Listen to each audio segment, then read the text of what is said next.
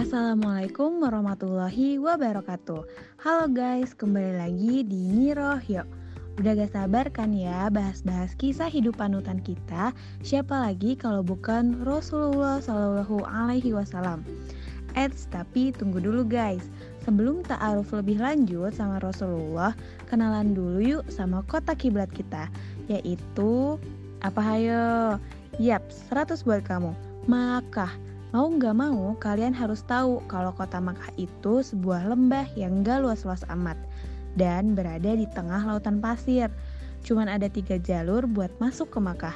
Yang pertama, jalan menuju Yaman, yang kedua, Laut Merah, dan yang terakhir ke Palestina.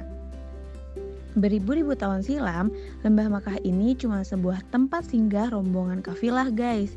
Dan Masya Allah nih, Nabi Ismail alaihi salam menyulap lembah yang satu ini menjadi sebuah kota. Kalian pasti tahu kan kalau kota Makkah itu terletak di Jazirah Arab. Yang taunya di Jazirah Arab itu cuman gurun pasir, siapa nih?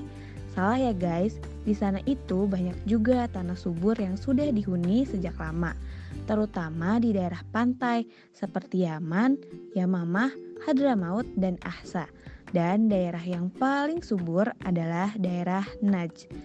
Wilayah ini dikenal sebagai tempat asal kuda Arab yang termasyur ke mana-mana loh. Najd dan Yamamah juga terkenal nih sebagai penghasil gandum. Saking banyaknya gandum, konon katanya sampai bisa memenuhi kebutuhan seluruh penduduk Jazirah Arab yang ketika Nabi Muhammad dilahirkan berjumlah sekitar 10 sampai 12 juta jiwa. Lain halnya di Madinah yang banyak bukit yang baik untuk ditanami alias cocok banget buat bercocok tanam. Dan kota Taif yang terkenal karena buah-buahannya. Di luar daerah-daerah subur, jazirah Arab ini penuh sama gunung juga bukit batu yang sangat besar. Gak ada sungai yang ngalir dan suhu udara di sana panas banget loh guys. Makanya penduduk Arab di sana sangat suka mengembara. Mereka suka datang ke tempat apa pun yang penting bisa memenuhi keperluan hidupnya bersama hewan ternaknya. Nah, itu dia guys gambaran singkat soal Jazirah Arab di masa itu. Buat kalian semoga bermanfaat ya. Maaf-maaf kalau ada salah kata.